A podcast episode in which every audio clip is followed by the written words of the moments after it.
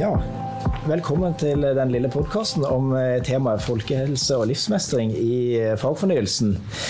Jeg heter Nils Une Birkeland, jobber ved Institutt for nordisk og mediefag eh, ved Universitetet i Agder. Og med meg har jeg fått Siri Woie Høggen. Og Unni Langås. Og dere skal altså gjennom litteraturen hjelpe våre lyttere i ordningen Dekomp fylke til å gjøre dette emnet spennende og anskuelig for elever i, i videregående skole. Eh, og Folkehelse og livsmestring i, i, fagfornyelsen er jo både beskrevet i overordnet del og i læreplanen for, eh, for norskfaget. Eh, og det er jo veldig mange stikkord som eh, man rent u umiddelbart vil se ha en resonansbunn i, i norskfaget hvis man går inn i, i fagfornyelsen. Altså både dette med selvbilde, identitet, mediebruk, verdivalg og betydning av mening i livet. Og kunne håndtere tanker, følelser og relasjoner. Og dette er vel hva vi norsklærere kan forbinde med en sånn utvidet forståelse av begrepet dannelse. Dvs. Si det å dannes som menneske. Om vi skal konkretisere enda litt mer, så sier jo læreplanen om folkehelse og livsmestring i norskfaget at det tverrfaglige temaet handler om å utvikle elevenes evne til å uttrykke seg skriftlig og muntlig. Og det er vel nokså selvfølgelig i norskfaget, og trenger vel kanskje heller ikke å utdype så mye mer. Eller bør vi gjøre det? For læreplanen slår jo da videre fast at dette skal skape grunnlag for å kunne gi uttrykk for egne følelser, tanker og erfaringer, og for å kunne håndtere relasjoner og delta i et sosialt fellesskap. Men det er vel egentlig dette som nesten all, alt språk og all kommunikasjon i bunn og grunn dreier seg om. I alle fall hvis vi fokuserer på dette eh, moderne norskfagets DNA som eh, kommunikasjonsfag, som har blitt ganske tydelig eh, understreka etter eh, ja, læreplanrevisjonen fra 2013. Så jeg tenker kanskje for vår del nå så er det mest eh, hensiktsmessig å prøve å konkretisere enda mer og gripe tak i den siste setningen om folkehelse og livsmestring i norskfaget, som handler om at lesing av skjønnlitteratur og faglitteratur både skal kunne bekrefte og utfordre elevenes selvbilde, og dermed kan kobles til identitetsutvikling. Og I vår sammenheng så er det først og fremst litteraturens, skjønnlitteraturens rolle vi vil legge vekt på. Og Det er her jeg tenker at deres unike erfaringer, eh, henholdsvis Siri som mangeårig litteraturformidler i norskfag i videregående skole, og eh, ikke minst eh, Unni som mangeårig litteraturforsker med et spesielt blikk for de fortellingene som både tematiserer og kanskje også tilbyr leserne et språk til å uttrykke traumer og smerter. Så da eh, har jo dere tatt med dere noen spennende bøker som eh, jeg gjerne vil at dere skal, skal si litt om. Hvordan de kan tenkes brukt inn, inn mot dette temaet. Så Unni, du begynner. Ja. Jeg valgte å ta med Anne Franks dagbok. Det er jo en gammel bok, en klassiker, som kom ut i 1947. Det er jo ingen eh, tradisjonell skjønnlitterær bok, for det er jo eh, en autentisk dagbok som eh, Anne Frank skrev i perioden juni 1942 til eh, august, eller høsten 1944. Og I den perioden så måtte hennes familie skjule seg i en leilighet i Amsterdam fordi de var jøder, og fordi de ble eh, eh, sto i fare for å bli deportert til eh, konsentrasjonsleirer i Tyskland. Så dette er da en eh, dagbok som hun skriver, og vet jo selvfølgelig ingenting om hva hennes skjebne vil bli. Eh, tvert om så har hun tenkt at eh, boka kanskje skal bli utgitt en dag, og det ble den jo faktisk også, etter at hun og familien, unntatt faren, Otto Frank, var blitt drept. Men det som er aktuelt med denne boka, det er jo at vi faktisk i dag jo nettopp befinner oss i en eh, krigssituasjon hvor Russland har angrepet Ukraina. Og i Anne Franks eh, dagbok så får vi også et uh, veldig fint inntrykk av hvordan en ung jente, som da var mellom 13 og 15 år, klarte å formulere de opplevelsene og følelsene hun hadde mens hun levde i ekstremt vanskelige vilkår. Og når boka er en klassiker, så er det ikke bare fordi vi vet at hun Eh, ble et offer for holocaust, altså jødeforfølgelsene. Men ikke minst fordi boka er ekstremt godt skrevet. Og det morsomme er jo at eh, selv om hun var en veldig ung jente, så har hennes dagbok blitt et forbilde for voksne, mannlige, profesjonelle forfattere som har latt seg inspirere av hennes bok og har skrevet om henne i sine egne romaner seinere. Et eksempel på det er den veldig kjente amerikanske forfatteren Philip Roth, som har skrevet om Anne Franks dagbok i romanen 'The Ghostwriter'. Og et annet helt eh, aktuelt eksempel er den norske forfatteren Klaus, eh, Christian Clausen, som har skrevet en roman i 2021 som heter 'Anne F'. Og der har han flyttet hele handlingen fra Amsterdam til Drammen. Hvis jeg skulle utfordre deg litt på hvordan du kunne si dette konkretiserer et sånt tverrfaglig emne som folkehelse og livsmestring? Ja, eh, Hvis man eh, tenker at norskfaget skal hjelpe elevene til å få en god formuleringsevne, så kan man jo absolutt eh, bli imponert over hvordan Anne Frank, den 13 år gamle jenta, skriver. Jeg kan f.eks. Ta fram et sitat hvor hun sier 'Kjære Kitty', og det var navnet hun ga på dagboka si. Jeg koker av sinne og får ikke lov å vise det. Jeg har lyst til å trampe i gulvet og skrike, ta tak i mor og filleriste henne, gråte og jeg vet ikke hva pga. de ekle ordene, de hånlige blikkene og beskyldningene som hver dag treffer meg som piler fra en spent bue, og som det er så vanskelig å trekke ut av kroppen. Altså jeg mener, Det er så godt formulert. Eh, og dessuten så har hun som en så ung jente veldig eh, grunnleggende tanker om eksistensielle forhold, om livet. Og jeg tenker at eh, det å kunne formulere seg ikke bare med å leve sånn, i en sånn eh, veldig isolert situasjon, men også å forholde seg til kroppen som utvikler seg, og de begrensede Eh, personene hun må forholde seg til, det er noe man eh, kan lære av og eh, ta inspirasjon fra. Og ikke akkurat identifisere seg med denne krigssituasjonen nødvendigvis, men identifisere seg med det å være en ung jente. Ja. Det syns jeg var gode argumenter. Eh, Siri har en annen roman som eh, også har en eh, slags krigsbakgrunn som ligger der og lurer. Ja, jeg har tatt med 'Bli hvis du kan, reis hvis du må' av Helga Flatland. Som jo egentlig er en triologi som består av eh, eh første bind, 'Bli hvis du kan, reis hvis du må'. Alle vil hjem, ingen vil tilbake. Og det finnes ingen helhet. Og den er lagt Den er nyere, men den er lagt til eh, Afghanistan og krigen i Afghanistan. Og den er jo ikke helt ny, den heller, men den har blitt mer aktuell, tenker jeg, i høst når eh, eh USA trakk, og de vestlige styrkene ble trukket ut av Afghanistan. Eh, og i dag, ikke minst, når vi ser den situasjonen som eh, Europa er i med krigen i, i Ukraina. Sånn at den vil være aktuell. Og i tillegg så er den aktuell med tanke på at dette er fire gutter som verver seg til, som soldater til krigen i Afghanistan. Og da får vi gutteperspektivet inn, som jo er viktig når vi vet at gutter gjerne vil lese om gutter.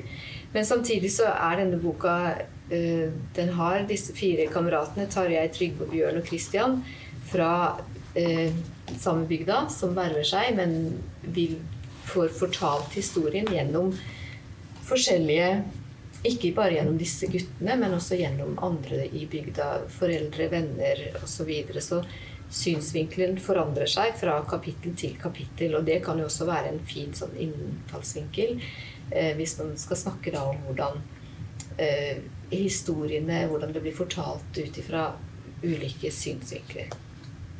I tillegg så er hvert kapittel eh, eh har sin, sin eh, Blir fortalt gjennom eh, sin person, og det skifter òg mellom å bli fortalt eller blir skrevet på bokmål og på nynorsk, som jo er eh, en eh, fin måte å få både nynorsk og bokmål inn i, i litteraturen. At man får lest begge deler. Ja, hvordan vil du si at det henger sammen med identitet, på noen måter? Eh, språket her er jo brukt helt tydelig at Helga Flatland har brukt de som identifiserer seg som en del av bygda. Det er de som representerer eller som, som bruker nynorsk. Mens de som på en måte kjenner at ikke de er helt en del av bygda, de har de nynorsk, den nynorske stemmen. Nei, bokmålsstemmen. Ja. Så da kan man jo snakke om språk og identitet på den måten. Og I tillegg så handler jo denne om eh, disse guttenes identitet. Disse guttenes forvent, altså forventninger som blir stilt til guttene. Eh, en skal bli forventa å overta gården. Han ønsker ikke det i det hele tatt. Han eh, vil egentlig bort og studere.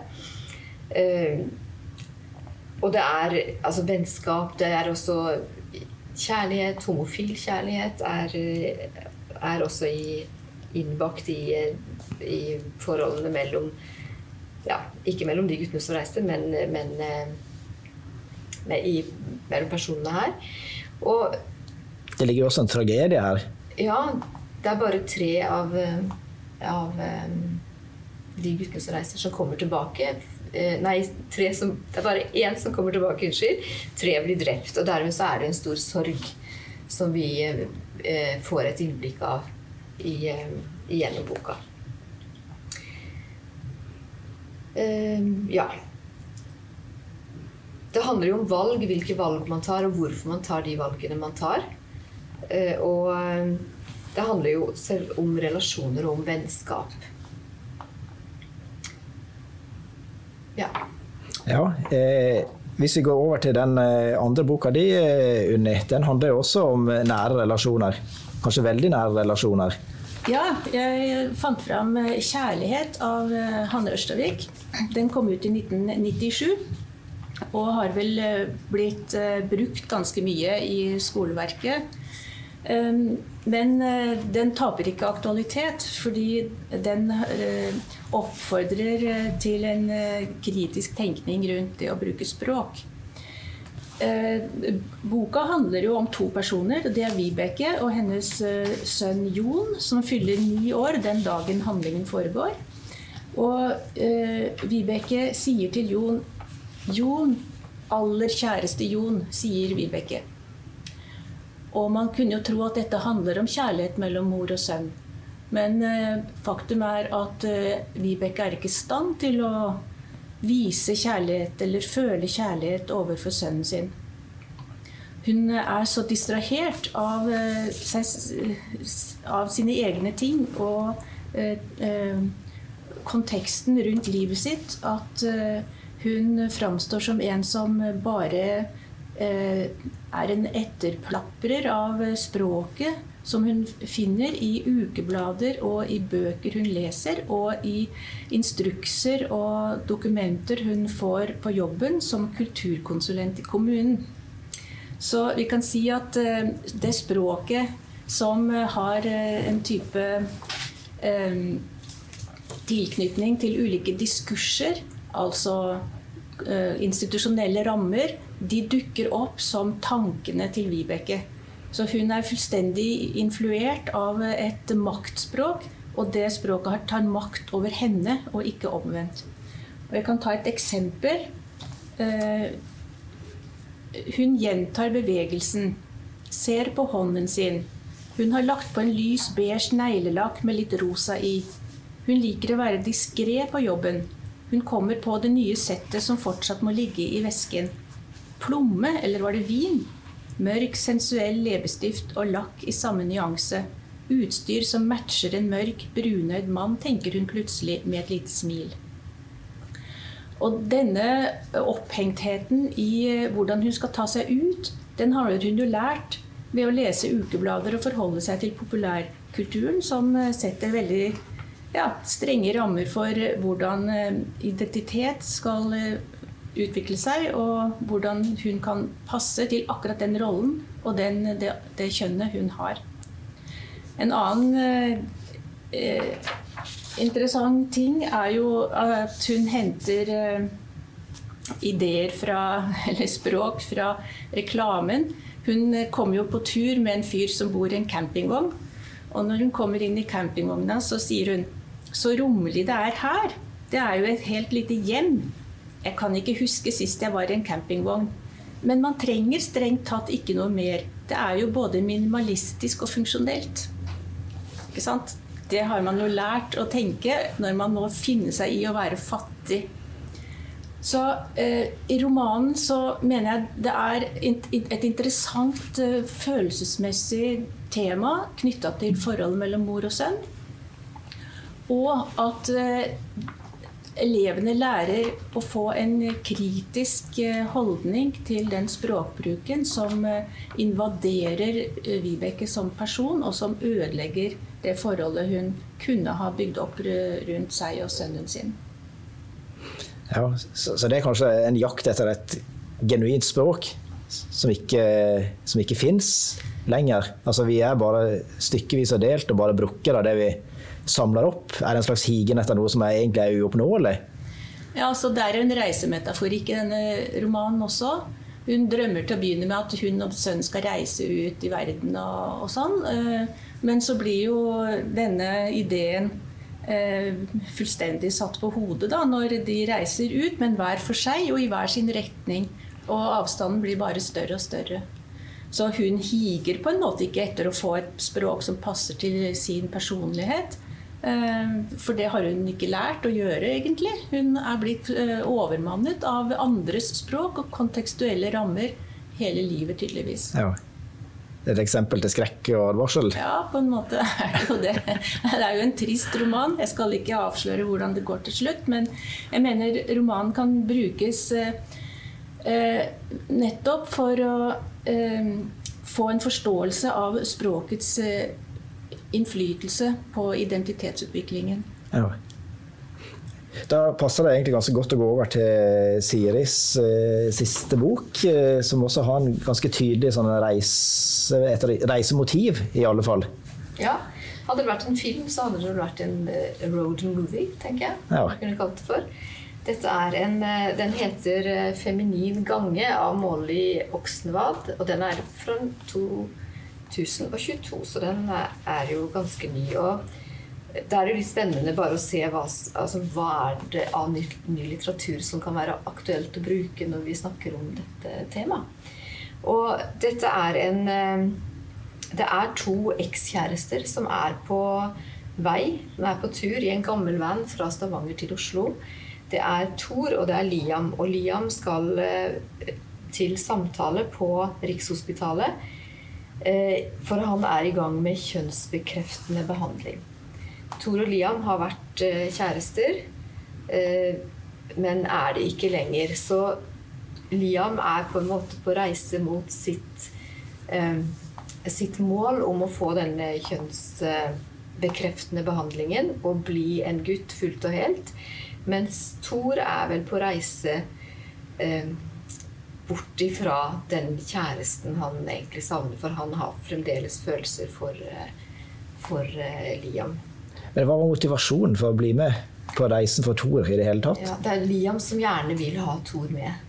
Uh, og Thor er Det er jo kanskje litt rart at Thor er med, men han er Han ønsker vel å være en del av livet til Liam fremdeles. Første kapittel er et langt kapittel hvor selve reisen er. Hvor de er i denne gamle vanen som etter hvert eh, eh, havarerer. Eh, det kan jo også være et eh, symbol på deres vennskap og hvordan de eh, Ja. Liam vil gjerne kjøre, men han klarer heller ikke å kjøre så lenge. Så Tor er også en god sjåfør som tar over styringa mens det er på en måte Liam som er den aktive gjennom hele kapittel det første kapittelet, som er langt, og så blir kontrasten til kapittel to, hvor de kommer da til Rikshospitalet, ganske tydelig. Eh, for det er ganske ja, du, du, sier et langt kapittel, men det er jo en ganske kort bok, egentlig. Det er en kort bok. Men av eh, 113 sider så er 84 85 sider kapittel 1. Og bare kontrasten mellom de to kapitlene tenker jeg er en sånn eh, eh Det forteller òg mye om den eh, Altså den knappheten som Eller den kulda som eh, Liam blir møtt med på Rikshospitalet hos legen. Eh, for Liam, jeg kan lese hans eh, Han sier da jeg trenger dette, behandlinga, for jeg er ikke interessert i å finnes i det jeg har foreløpig. Inni meg finnes jeg, men det ytre får det som er inni meg til å gnage. Og det gnaget skriker til meg hver dag. Det er slitsomt, det må forsvinne. Eh, og så sier han videre da, at dette er en forklaring til, til Thor. Og så ja. sier han nå til Thor at mens vi er der inne, altså hos legen, Eh, så setter jeg pris på om du ikke sier så altfor mye. Så nå har på en måte Thor gjort jobben sin. Han har, han har fått han dit. Og så kommer andre kapittel hvor de er inne på kontoret, som, hvor språket blir på en måte veldig knapt og veldig kaldt, som en kontrast. Kontoret er bart, veggene er tomme, grå. Det er ingen hyller, ingen mapper. Kun en pult med en PC, kontorstol bak. Og så videre litt lenger nede så sier eh, Legen 'Vi skal kjøre noen spørsmål i dag, Liam', sier legen. Ok, sier Liam. Så man kjører spørsmål. Man, jeg vet ikke om det er en samtale. Så det er en litt sånn uh, Steril programmessig ja. Og så få fram på en måte kanskje denne uh, kulda, den fremmede Ja, den måten han blir behandla på i, uh, i møter med, med, legen på Så det er jo på Rikshospitalet. Um, det, Vil du si at det er en lys eh, roman, tross alt? Den er på en måte i hvert fall kanskje Jeg opplevde den som kanskje en litt sånn derre eh, virkelig fortelling av hvordan det er. Den er ikke sånn der veldig problemfokusert egentlig i og med at de har dette vennskapet. Problemene ligger i hvert fall i første kapittel hos Thor, som hele tida mister kjæresten sin. Mens Liam har jo sitt prosjekt. Eh, og i, dette, altså i, i, denne romanen så tenker jeg at det er en del sånne kan jeg si, rekvisitter. Både bilen er, en, er en, sånn, en, tydelig metafor, og det er sminke, det er klær, og Thor er også Han bruker òg eh, f.eks. neglelakk, og, og, han har, han har arva klærne til Liam, som da jo har vært en jente. Så han går fremdeles i klærne til Liam. I det siste kapitlet, hvor, de, hvor Thor har kommet hjem igjen, og Liam på en måte er ute av livet hans, så tar han et oppgjør og kaster klærne som han har arva av, av, Liam. Så begge to befinner seg på en måte som kjønns... Altså det er vel ikke sånn helt ja, Kjønnsroller, kjønnsidentitet er jo et tema her, som man skjønner. Ja. Så jeg syns det er en ærlig eh, fortelling og en interessant eh, Samtidig som reisemetaforen sier noe om å være på vei. Og det er vel òg det som identitetsutvikling i bunn og grunn dreier seg om. Ja. ja, jeg tenker at denne kan være med på å måte fortelle alle hvordan det kan være å være i den situasjonen. Og så selvfølgelig det å, å, kunne speile og finne et speil for, for de som er i den situasjonen. Og så er den eh, som du sa, den er ikke, den er ikke så altfor lang. Så den kan jo også appellere sånn sett til ja. Eh, så den utfordrer ikke altfor mye de med dårlig lesekondis, kan nei, man si? Nei, det gjør de ikke. For det er jo en realitet også i videregående skole. Ja. Det er også mye, mange eh, Det er mye snakk om musikk og altså, om eh, sånn populærkulturelle referanser i boka også. Uh, og, og, så er det òg en rekvisitt som, som, jeg tror uttales for en binder, som er, en, uh, som er forklart som et bånd som man knytter rundt Binder Ja, det står uttales binder her. Plagg brukt til å klemme bryster flate i håp om at det ikke skal synes. Og det er òg en sånn viktig rekvisitt som går igjen hele tida. Som jo er den der at i, man er på en måte i den endringen da fra å være jente til å bli gutt. Ja. Nei, men da, eh, da, har vi fått eh, fire gode lesetips. Eh, og da tror jeg bare får si tusen takk for bidragene både til, til Unni og til, til Siri her. Takk for oss.